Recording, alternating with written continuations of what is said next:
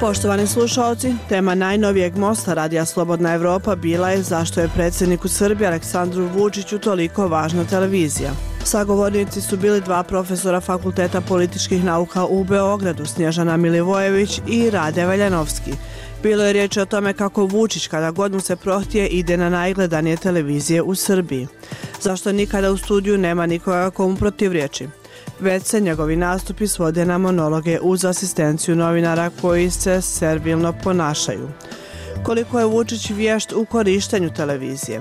Da li je ubjedljiv i da li mu gledaoci vjeruju i u kojoj mjeri je opsjednu slikanjem na televiziji, pa je gotovo svakodnevno na televizijskim ekranima, nekada i po dva, tri puta dnevno. Razgovaralo se i o tome kako je medijska scena u Srbiji tako organizovana da omogućuje Vučiću apsolutnu dominaciju u medijima. Kako je Telekom Srbije nedavno obezbijedio da Vučićev govor bude istovremeno prenošen na 50 kanala, kako Vučić koristi televiziju da odgovara na svaku, pa i najmanju kritiku vlasti, kao i o tome da li je Vučić nakon 12 godina neprekidnog pojavljivanja na televiziji već dosadio gledaocima. Most je pripremio Omer Karabek. Most Radija Slobodna Evropa. Dialogom do rješenja. U današnjem mostu razgovarat ćemo o tome da li je televizija glavni stup vlasti Aleksandra Vučića u Srbiji. Naši sagovornici su dva profesora Fakulteta političkih nauka u Beogradu, Snježana Milivojević i Rade Veljanovski.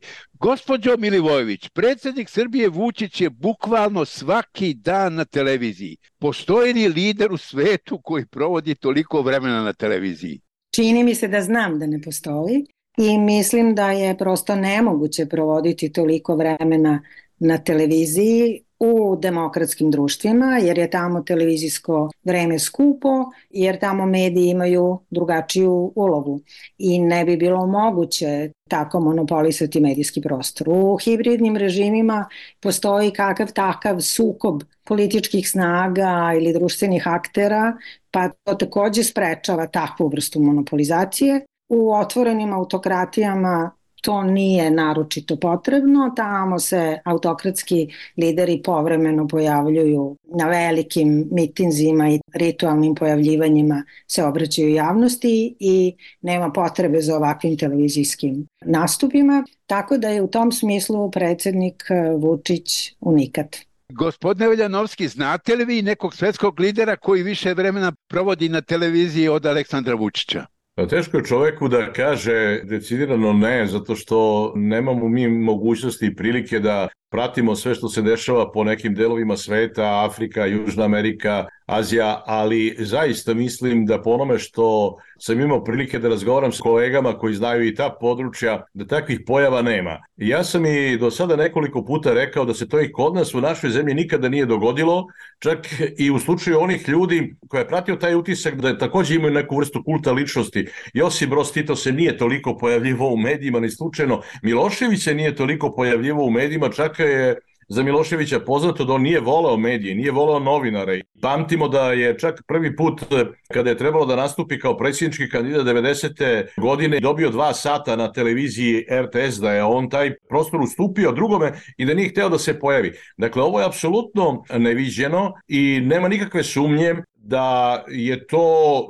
novi oblik kulta ličnosti gde sama ličnost sebi daje za pravo da uzme toliko prostora i toliko vremena u medijima, ali ni mediji ne shvataju da bez obzira koliko se neko pojavljuje u javnosti, makar on bio i predsjednik države, da oni nisu duži da mu toliko prostora daju. Gospodin Milivojević, Aleksandar Vučić kad god mu se prohte ide na najgledanije televizije, a to su one sa nacionalnom frekvencijom. Da li se on ponaša kao da su radio televizija Srbije, Pink, Happy, Prva i B92 njegovo vlasništvo? To nije tako daleko od istine, ali ta mogućnost da kad god poželi i nelimitiran pristup ima vodećim medijima nije posledice samo njegove lične odluke i njegove želje da bude konstantno u javnosti, nego velikog sistemskog loma koji je tome prethodio i koji je omogućio da mediji tako funkcionišu i da vrata vodećih, bar komercijalnih nacionalnih medija budu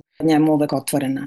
Aleksandar Vučić ima vrlo prepoznatljiv odnos prema medijima i deli ih u dve grupe, kritičke profesionalne medije koji su naravno u manjini, drži u mraku i zasipa đubretom uskraćuje im pristup, odnosi se prema njima krajnje arogantno i krajnje agresivno, a drugu veću grupu medija i pre svega nacionalne televizije koristi kao kiseonik publiciteta, dakle koristi kao instituciju sa koje se oglašava, sa koje objavljuje političke projekte, vodi političke kampanje i sa kojima direktno komunicira sa javnošću. To je moguće zato što ti mediji nisu samo instrumentalizovani ili upotrebljeni od strane Vučića, nego su deo jednog sistema koji se teorijski zove zarobljeni mediji pod apsolutnom kontrolom povezanih političkih i komercijalnih interesa koji čine da mediji funkcionišu kao instrument ostvarivanja političkih interesa, a ne profita ili servisiranja građana. Pod tom vrstom kontrole se nalazi javni regulator ili medijski regulator, nalazi se javna televizija, najveće komercijalne televizije, uključujući i državne tokove finansiranja koje idu u medijski svet. I taj ambijent stvara ne samo mogućnost da se Aleksandar Vučić neprestano pojavljuje na medijima, nego i da se direktnim obraćanjem preko medija proizvodi ambijent u kome ne može da se postavi pitanje političke odgovornosti ili bilo kakve vrste institucionalne odgovornosti. Gospodine Veljanovski, mislite li vi da se Vučić ponaša kao da su televizije sa nacionalnom frekvencijom njegovo vlasništvo? To se zaista može tako zaključiti, ali do tih televizija i ljudi koji rade u njima mnogo stoji. Možemo da čujemo i to vrlo često da recimo vlasnik e, televizije Pink, Željko Mitrović, nema nikakav problem s time da izjavi da je njegova televizija režimska televizija. On je to više puta rekao. U drugim državama, čak i u tim hibridnim režimima, tako nešto zaista nije moguće. Bez obzira što malo pre rekoh da ni Miloševića nije toliko bilo u medijima 90. godina, nema nikakve sumnje da neki modeli ponašanja i neki metodi iz tog vremena traju i danas. Jer ja ću podsjetiti Recimo, RTS je u julu mesecu 91. godine osnovan kao RTS, nije osnovan kao javni servis, već kao javno preduzeće u koji su integrisani radiotelevizija Novi Sad, radiotelevizija Prištine, radiotelevizija Beograda posle izvestog vremena i jedan broj lokalnih radija i televizija, pa čak u nekim slučajevima i nekih lokalnih novina. Šta je ideja bila? Da postoji jedan jedinstveni medijski sistem bez ostatka koji će da služi vlasti. Sada se želi isto. Ono što je naravno jako loše i što evo vidimo i ovih dana, da se Radio Televizija Srbije kao kuća medijska koja treba da bude javni servis, a koja to nažalost još uvek nije, prepucava sa jednim od lidera opozicije Draganom Đilasom, jer on misli da oni svoj posao ne rade dobro. I umesto da se taj dijalog i sa Đilasom i sa ostalim predstavnicima opozicije, ali i sa medijskim stručnjacima, građanima, vodi na samoj televiziji RTS ili na radiju RTS, oni se sa njim prepisuju preko štampe. I to nema apsolutno nikakve veze sa onim što jedan javni servis treba da bude, a naravno ni ove druge televizije televizije koje imaju dozvole za nacionalno pokrivanje. Gospodin Milivojević, da li je Vučić vešt u korišćenju televizije? Na to pitanje nije jednoznačan odgovor, zato što mi nikada Vučića u stvari ne vidimo u normalnom televizijskom ambijentu. Vučić uvek nastupa sa podnavodnicima ili prijateljskih televizija, sa televizija u kojima se on osjeća kao u svojoj kući, u kojoj sa druge strane stola za razgovor nema nikog. Novinari tih medija su uveliko pacifikovani, oni se nikad ne usuđuju da postave pitanja. On dobije priliku da u nelimitiranom vremenu objašnjava, ponavlja, tumači, interpretira svet, ne samo svoje političke postupke i da to radi bez ikakve kontraargumentacije predsednik ulazi u javni servis bez kucanja, dolazi u emisije koje često nisu najavljene, ruši programsku šemu, ne poštuje vreme za trajanje emisija, dakle ponaša se prilično osiono, a na kritičke medije, kao što sam rekla, nikada ni ne ide. Dakle, na vaše pitanje da li je Vučić vešt,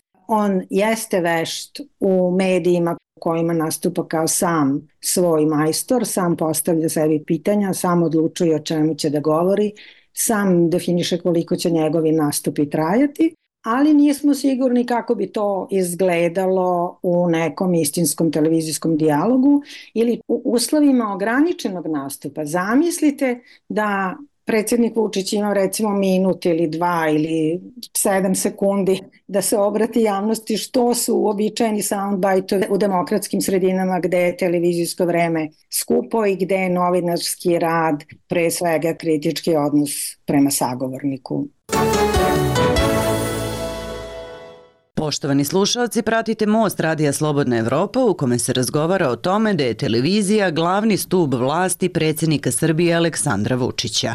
Sagovornici su dva profesora Fakulteta političkih nauka iz Beograda, Rade Veljanovski i Snježana Milivojević. Voditelj je Omer Karabeg. Gospodine Veljanovski, po vama, da li je Vučić vešt u korišćenju televizije? Ta nekakva elokvencija nastupa na mediju bi mogla da se proveri samo onda zaista kada bi on pred sobom imao novinare koji postavljaju pitanja u ime građana. On može da dođe u sve četiri televizije sa nacionalnim pokrivanjem komercijalne kad god želi, a i u javni servis kad god hoće i da onda ponese svoje grafikone, ponese svoje tabele i onda on njih objašnjava, a novinar mu naravno postavlja pitanja koje bi on sam sebi postavio, tako da je to ono što je zaista nedopustivo. I kad govorimo o tome koliko je on prisutan u medijima, evo ja ću reći jedan podatak, mi smo imali nedavno izbore u decembru i ne po istraživanjima nekih drugih istraživačkih organizacija, nego po monitoringu REMA, regulatora za elektronske medije, je ustanovljeno da je vladajuća stranka, odnosno ona koja je sebe nazvala Srbija ne sme da stane Aleksandar Vučić, recimo na RTS-u dobila 6 sati, a da je koalicija Srbija protiv nasilja dobila nešto manje od 5. Ali sam Aleksandar Vučić je dobio još 6 sati i državni funkcioneri su dobili ukupno 12 sati. To znači da je Vučićeva opcija bila četiri puta više zastupljena na samom RTS-u od najkonkurentskije koalicije. Gospodin Milivojević, a da li je Vučić lično obsednut televizijom? Da li on uživa da se slika? Po količini tih nastupa, odnosno po broju tih nastupa, reklo bi se da je tako. Ne verujem da bi baš mogao da tako ne izlazi iz TV studija da mu to predstavlja veliki napor. Vrlo često se on ponaša kao da mu to izuzetno prija. Taj osjećaj da on direktno razgovara sa svojom publikom, ni podaštavajući i isključujući voditelja ili novinare u studiju, ukazuju da njemu ta uloga naročito prija. Ali mislim da je za našu javnu komunikaciju mnogo značajnije to kako je Vučić ili kako je vladajući SNS reorganizovao medijsku scenu i omogućio da takav privatni apetit za publicitetom i javnošću bude konstantno zadovoljavan, nego što su njegove psihološke karakteristike. Bez obzira na Vučićevu opsednutost i na njegov apetit, ukoliko bi regulator počeo da reaguje, to ne bi bilo moguće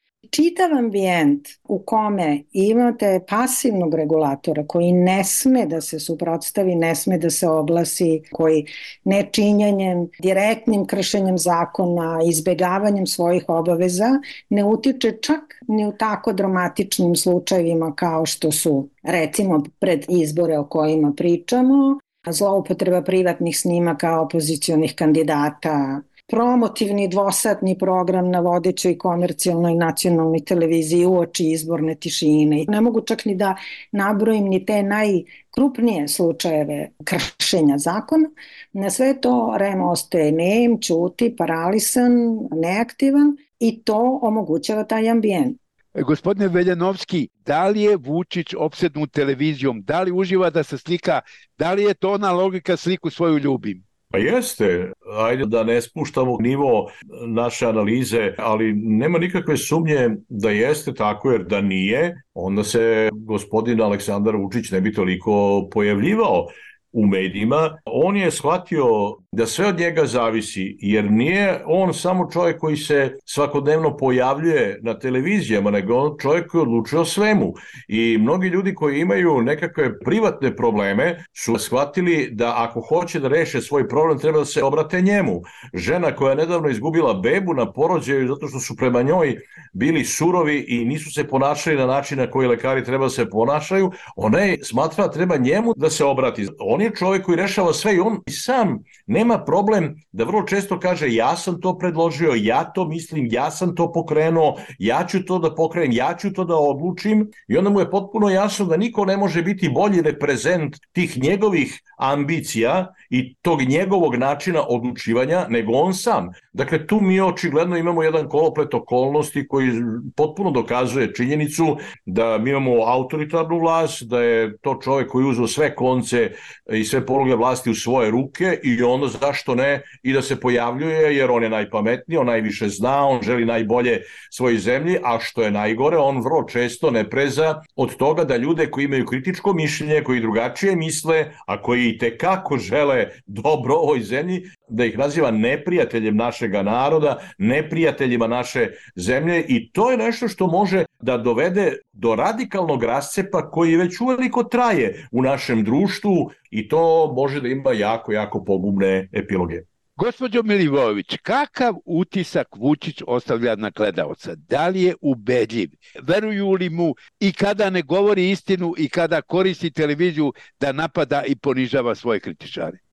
Način na koji propagande deluje i ubedljivost nekog govornika je relativno teško ustanoviti kroz ovu vrstu istraživanja koje mi imamo i o koje govore samo o rejtingu i visokoj gledanosti. Ja hoću da kažem da sem učestalih pojavljivanja insistiram na tim sistemskim pretpostavkama, na tom polomljenom medijskom sistemu koji je omogućio da Aleksandar Vučić ovako funkcioniše, pored njegovih ličnih karakteristika. Da navedim recimo skoro i primer posle usvajanja nedavnih zakona o medijima. U zakonima je predviđena mogućnost da Telekom kao državni telekomunikacioni operator može da bude osnivač medija, što je u izvesnom smislu značilo povratak države u medije.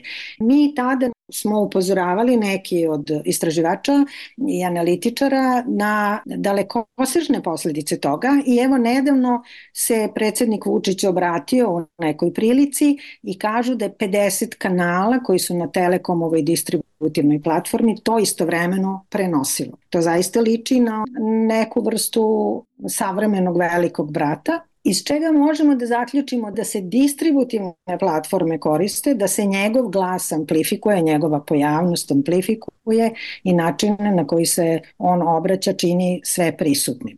Dakle, hoću da kažem, za nas kao društvo bi bilo vrlo važno da analiziramo kako se sistemski može to onemogućiti i sprečiti, bez obzira na to kakve su lične preferencije Aleksandra Vučića.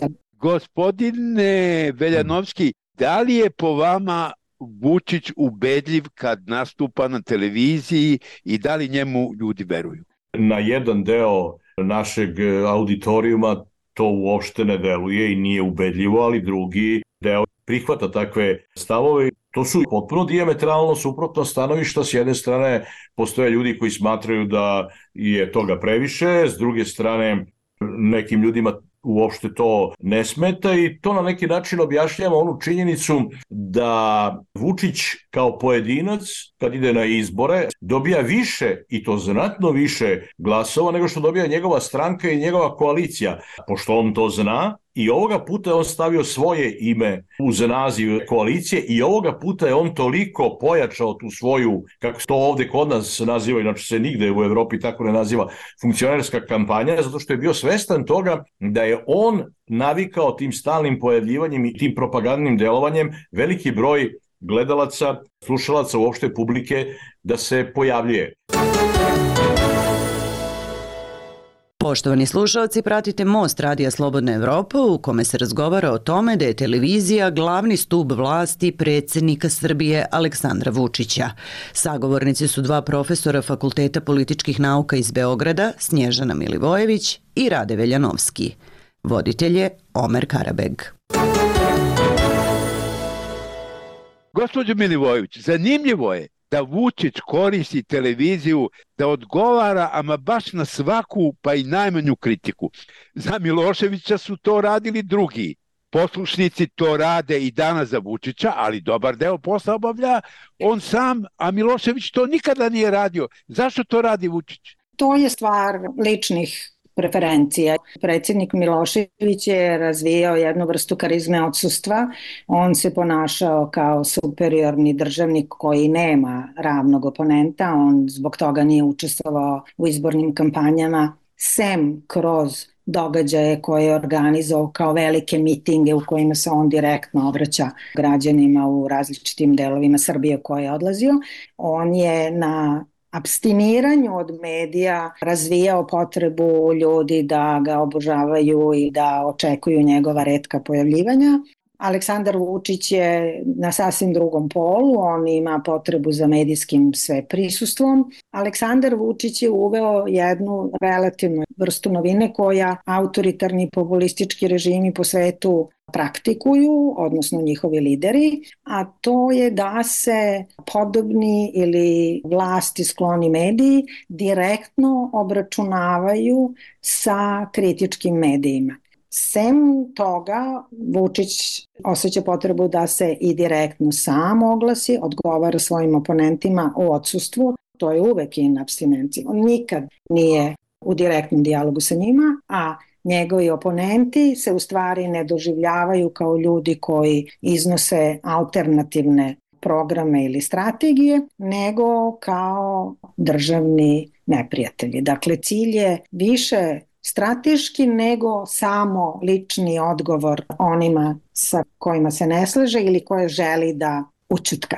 Gospodine Veljanovski, kako vi tumačite Vučićevu potrebu da on direktno i lično na televiziji odgovara na svaku pa i najmanju kritiku? Nema nikakve sumnje da je Aleksandar Vučić potpuno uveren u svoju superiornost u svakoj oblasti u svemu o čemu se javno razgovara i da on zbog toga ne želi da dopusti bilo kome oko sebe da se afirmiše jer on ne želi da ga bilo ko u tom smislu ugrozi. Potpuno je jasno da toliko pojavljivanje i odgovori čak i na pitanja koja su često banalna, na koja ne bi trebalo da odgovara ni neko ko je ministar ili ko je član vlade, nego neki niži činovnici, on ni to ne prepušta drugome.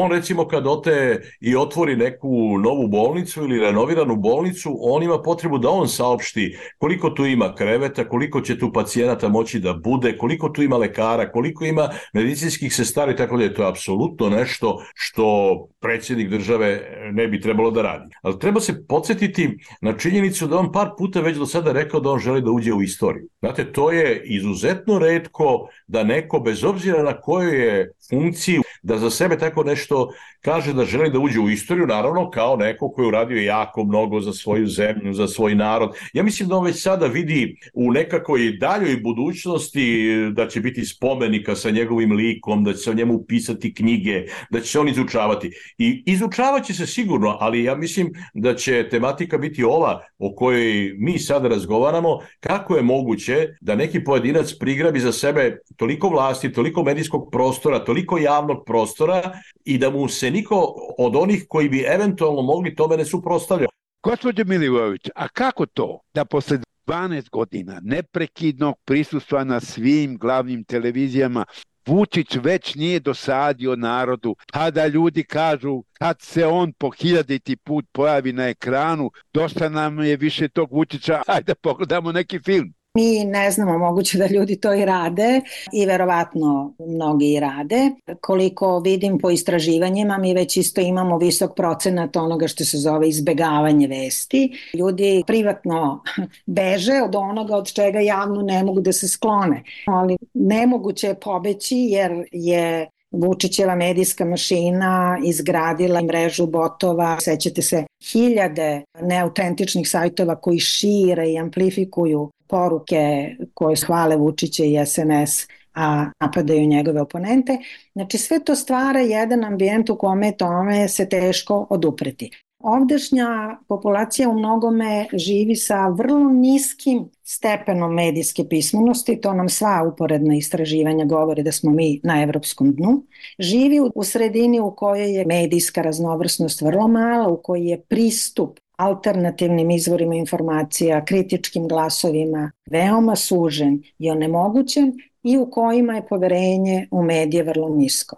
Sve to doprinosi da se veliki deo građana i građanke Srbije vrlo sporo udaljava od te propagande, ali kako poslednji izbori pokazuju, uprkos ogromnoj mašineriji koja je upregnuta ne samo u medijsku promociju, nego ovoga puta i u fabrikovanje izbornih rezultata, bukvalno krađu izbora, ako mogu tako da kažem, ipak izgleda da se ta većina ubrzano topi, ona u Beogradu očigledno nije većina. Velike su indicije da se ona i u Srbiji, kao što sam rekla, ubrzano topi, ali je upravo zbog onih sistemskih okolnosti o kojima sam govorila, ne Vučićevih ličnih kvaliteta, obezbeđeno da sa relativno manjim brojem glasova se obezbedi velika reprezentacija u parlamentu. Evo, skoro smo podsjećani da je sa ovolikim brojem glasova, koliki je sada dobila opozicija u Srbiji,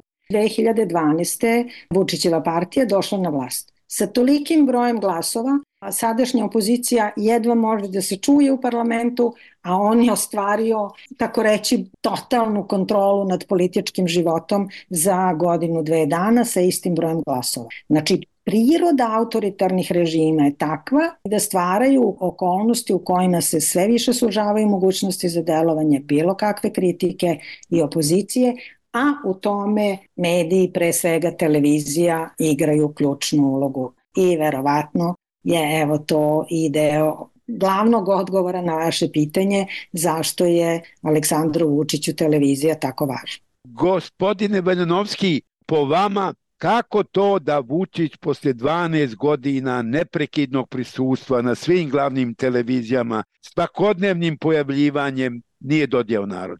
Pa naša se politika u velikoj meri estradizovala, trivializovala, vulgarizovala. To pitanje je potpuno ispravno i ja moram da podsjetim da neke duhovite observacije onoga ko se stalno pojavljuje u medijima dovode do reagovanja ne smem da otvorim konzervu, on odatle izlazi, a Vučić to čuje, pa onda i to upotrebi u smislu svoje promocije, pa smo imali onaj spot gde on izlazi iz frižidera. Dakle, nema toga što se može izgovoriti kritički u odnosu na sve te oblike njegovog ponašanja i njegovog i njegove koalicije, koje oni nisu spremni da zloupotrebe i da potpuno preokrenu. Mi nemamo razvijenu demokratsku kulturu, mi nemamo u dovoljnoj meri komunikacijsku kulturu.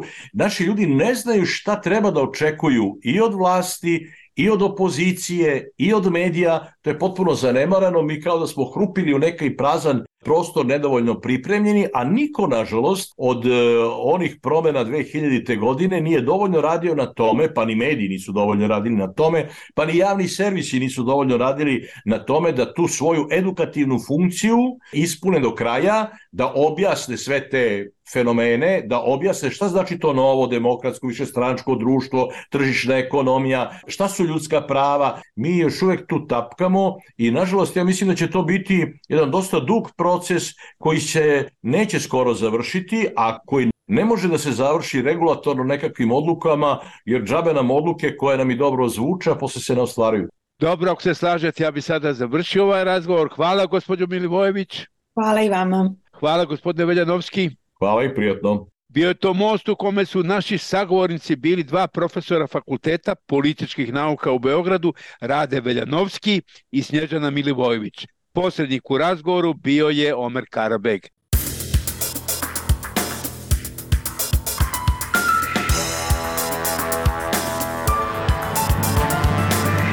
Bilo je to sve u ovom izdanju programa Radija Slobodna Evropa. Ostanite i dalje uz nas, pratite nas na našem sajtu kao i na društvenim mrežama. Do narednog slušanja.